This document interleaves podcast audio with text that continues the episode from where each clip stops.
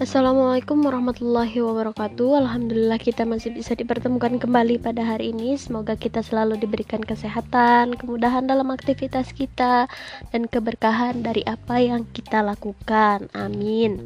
Jadi pada pertemuan hari ini kita sudah memasuki bab keempat yaitu penelitian sosial untuk mengenali ragam gejala sosial. Jadi sambil menyimak penjelasan dari saya, kalian juga bisa nanti menyimak uh, materi di LKS-nya yaitu halaman 35 dan seterusnya. Jadi sekedar pengenalan singkat sehubungan dengan materi yang akan kita pelajari pada bab 4 ini sehubungan dengan penelitian sosial untuk mengenali ragam gejala sosial itu ada banyak sekali materinya cukup padat dan jelas eh, cukup padat dan hmm, banyak.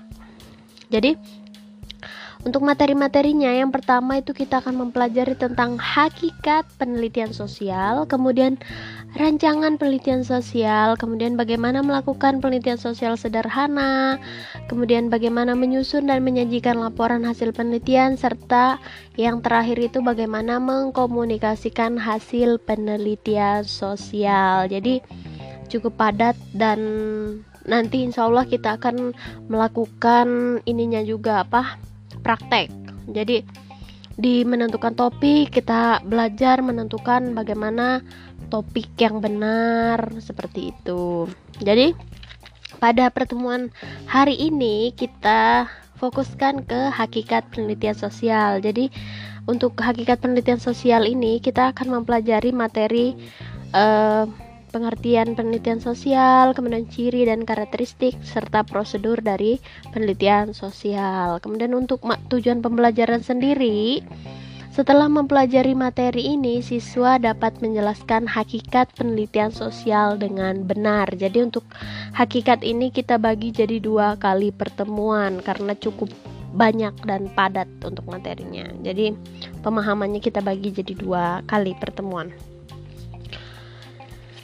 Kemudian kita langsung saja masuk ke materi inti kita yaitu hakikat penelitian sosial. Jadi Hakikat atau pengertian dari penelitian sosial ini dibagi jadi dua, secara etimologis dan secara teoritis. Jadi kalau misalnya kita kaji secara etimologis atau kebahasaan, kata penelitian ini berasal dari kata research dalam bahasa Inggris yang berarti mencari kembali. Jadi intinya penelitian itu berarti mencari bukti-bukti baru yang dikembangkan menjadi teori untuk memperdalam dan memperluas ilmu tertentu. Jadi itu secara etimologis, kemudian kita lihat secara teoritis. Jadi secara teoritis penelitian ini merupakan suatu penyelidikan yang dilakukan secara sistematis terhadap suatu objek dan terencana dengan menggunakan metode ilmiah. Jadi secara teoritis ada beberapa teori di sini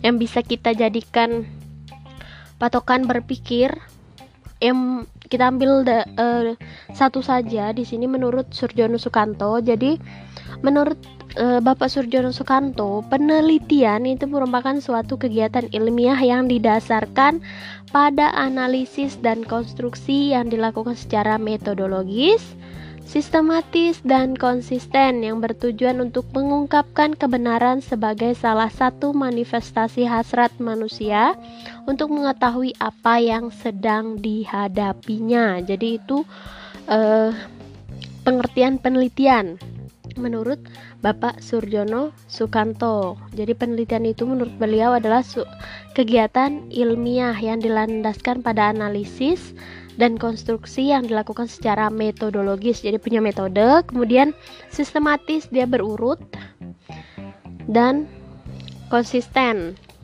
Dilakukan secara konsisten. Kemudian itu untuk definisi dari pengertian secara umum, kemudian kita lanjutkan ke apa sih itu penelitian sosial. Jadi intinya penelitian sosial ini adalah kegiatan ilmiah yang memiliki fungsi atau manfaat antara lain memberikan deskrip deskripsi. Deskripsi itu berupa gambar, dapat berupa gambaran atau pemetaan serta penjelasan terhadap masalah-masalah sosial yang terjadi dalam masyarakat. Jadi masalah di sini ini masalah yang ingin diperoleh jawabannya yang berkaitan dengan kehidupan manusia di masyarakat. Jadi kalau penelitian secara umum itu berusaha untuk mencari kembali, kalau misalnya penelitian sosial itu berusaha untuk memberikan deskripsi atau gambaran tentang bagaimana sih masalah-masalah sosial yang ada di masyarakat seperti itu. Itu inti dari penelitian sosial. Kemudian untuk syarat dari penelitian yang baik ini mengacu beberapa hal. Yang pertama, tadi sebagaimana yang telah dijelaskan oleh Bapak Surjono Sukanto sehubungan dengan pengertian penelitian. Syarat-syaratnya yang pertama itu sistematis. Apa sih itu sistematis? Jadi sistematis ini dilaksanakan menurut pola tertentu dari yang paling sederhana sampai kompleks. Jadi uh, itu sehubungan dengan sistematis. Kemudian selanjutnya berencana. Jadi berencana ini artinya dilaksanakan dengan unsur kesengajaan dan sebelumnya sudah dipikirkan langkah-langkah pelaksanaannya. Di e, berencana ini maksudnya sudah direncanakan dengan baik dan ada unsur kesengajaan. Oh, saya mau meneliti tentang masalah kenakalan remaja. Nanti di disusun di situ. Apa aja apa saja sih yang harus uh, dipersiapkan dalam hal meneliti permasalahan tersebut? Seperti itu apa saja yang uh, harus dilibatkan dan lain sebagainya. Nanti kita akan pelajari untuk uh, bagaimana sih menjalankan atau melakukan penelitian sosial. Kemudian uh, sampai mana tadi berencana kemudian yang ketiga itu mengikuti konsep ilmiah. Jadi mengikuti konsep ilmiah ini artinya mengikuti cara yang telah ditentukan yaitu prinsip-prinsip yang digunakan untuk memperoleh ilmu pengetahuan. Jadi konsep ilmiah itu eh, prinsip-prinsip yang digunakan untuk memperoleh pengetahuan. Jadi kita harus mengikuti prinsip-prinsip tersebut. Apa sih prinsip-prinsipnya? Nanti bisa kalian cari nanti dulu. Di sini untuknya untuk prinsipnya ada logis, analitis dan rasional. Logis itu penelaran harus memenuhi syarat logis yaitu eh masuk akal, kemudian analitis tidak terlepas dari daya imajinasi seorang menya merangkai, menyusun dan menghubungkan petunjuk-petunjuk akal pikiran, tapi bukan bukan ini ya bukan di karang-karang kemudian selanjutnya rasional. Rasional itu e, kemampuan menalar suatu fakta atau kenyataan yang memang dapat dipikirkan secara mendalam. Itu prinsip-prinsipnya. Kemudian kita lanjut ke ciri dan karakteristik dari penelitian sosial. Jadi bicara tentang ciri ciri dari Uh, penelitian sosial ini ada dua ciri umum secara umumnya. Yang pertama itu bersifat ilmiah. Jadi bersifat ilmiah ini artinya dia bersifat rasional, kemudian kebenarannya itu objektif serta didukung dengan data yang valid dan disusun secara sistematis. Jadi ilmiah itu rasional, kebenarannya objektif, didukung dengan data yang valid dan disusun secara sistematis. Itu ciri yang pertama. Kemudian ciri yang kedua, uh, penelitian sosial ini merupakan suatu proses yang berjalan terus-menerus karena hasil penelitian selalu dapat disempurnakan. Jadi, apa yang kita teliti sekarang itu bisa jadi merupakan uh, bisa dalam hal mengembangkan hasil penelitian orang sebelumnya bisa juga untuk menemukan sesuatu yang baru yang nanti kemungkinan apa yang kita temukan itu bisa menjadi patokan seseorang untuk memperbaiki atau juga mengembangkan apa yang sudah kita temukan. Jadi untuk penelitian sosial ini berjalan terus. Jadi nggak ada ujungnya gitu intinya. Itu ciri-cirinya ada dua. Kemudian Karakteristik untuk penelitian sosial yang pertama itu objektif. Objektif ini artinya Semua kegiatan pengamatan, telaah yang dilakukan, dan kesimpulan yang diambil oleh peneliti tidak boleh didasarkan oleh subjektivitas, pandangan pribadi, dan pengaruh kepentingan pihak lain. Jadi, harus objektif. Apa yang uh, ada di lapangan itu yang ditulis, jangan ada misalnya campur tangan uh, dari emosi atau kepentingan-kepentingan tersendiri daripada peneliti di luar daripada uh, sesuatu yang terjadi di lapangan. Jadi harus objektif nyata gitu.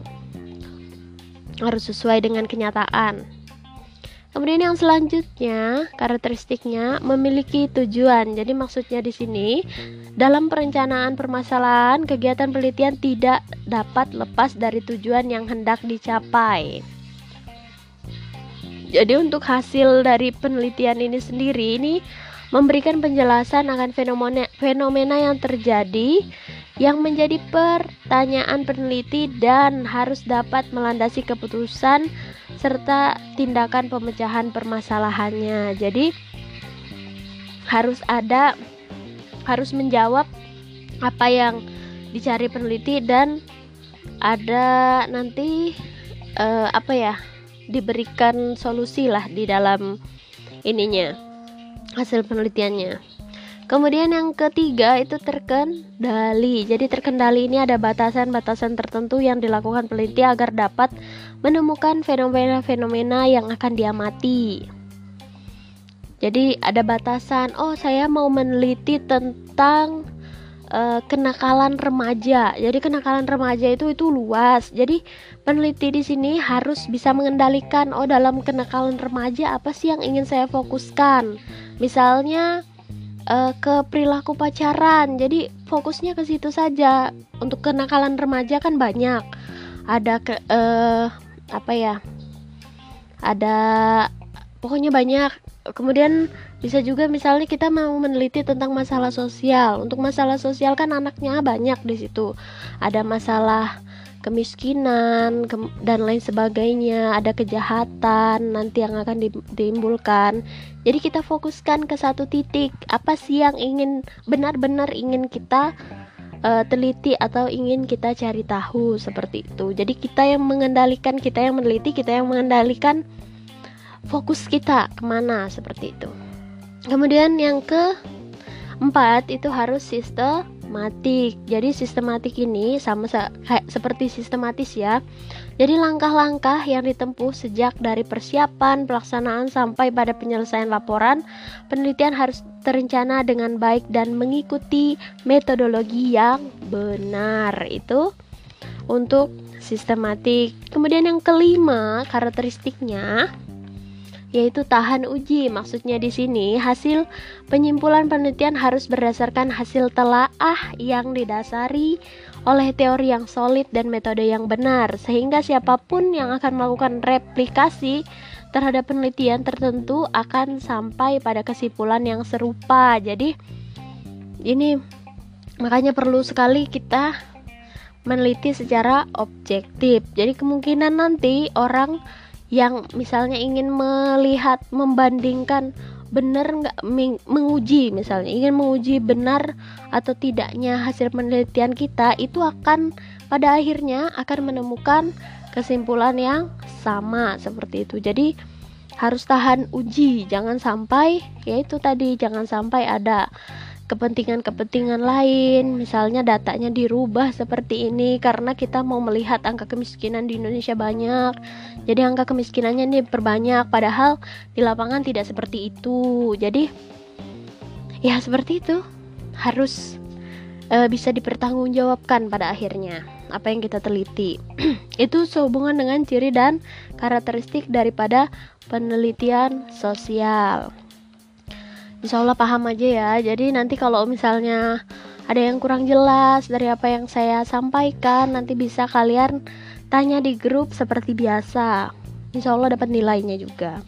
Oke kita lanjut ke materi kita yang terakhir di pertemuan hari ini yaitu prosedur penelitian sosial. Jadi penelitian sosial ini harus menggunakan metode ilmiah dalam proses pengumpulan data dan penggalian informasi dari masyarakat. Jadi metode ilmiah ini sendiri mempunyai lima prinsip dalam pelaksanaannya.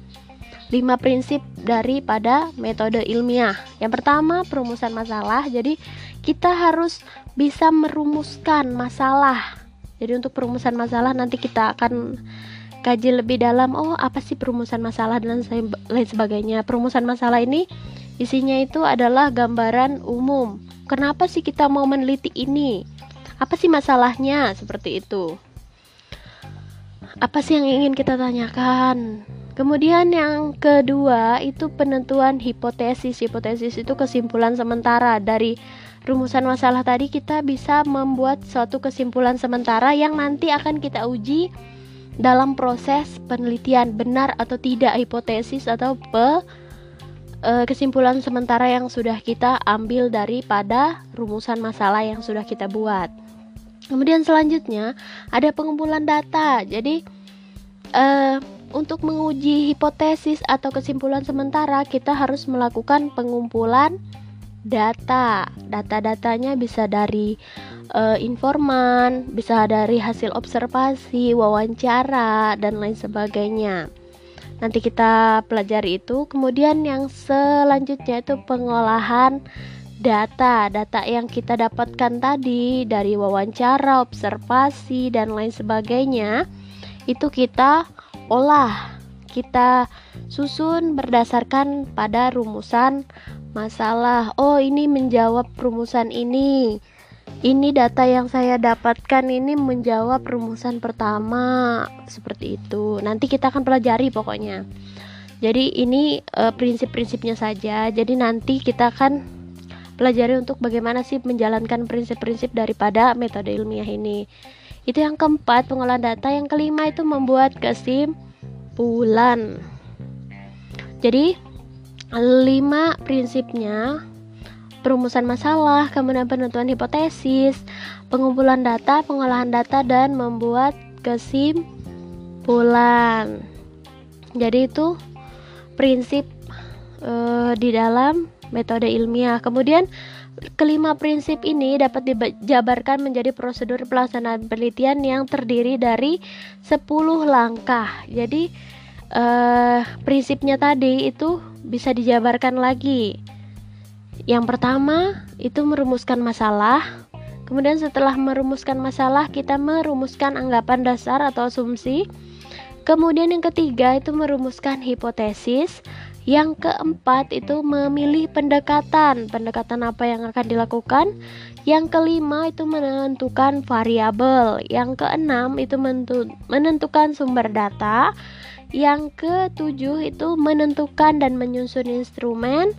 Delapan mengumpulkan data, sembilan menganalisis data dan yang ke sepuluh itu menulis laporan. Jadi dari langkah pertama hingga langkah keenam itu merupakan uh, rangkaian kegiatan pembuatan rancangan penelitian. Kemudian dari langkah ketujuh sampai langkah ke sembilan itu adalah rangkaian kegiatan pelaksanaan penelitian dan yang langkah terakhir yaitu adalah penulisan laporan. Jadi kalau kita bagi dari prosedur penelitian ini hanya ada tiga bagian. Yang pertama itu pembuatan rancangan penelitian, e, kemudian mm, kegiatan pelaksanaan penelitian dan penulisan laporan. Jadi tiga saja untuk prosedurnya secara e, kesimpulannya ya. Jadi nanti untuk e, di bawah-bawahnya itu nanti kalian jabarkan sendiri seperti apa. Intinya ada tiga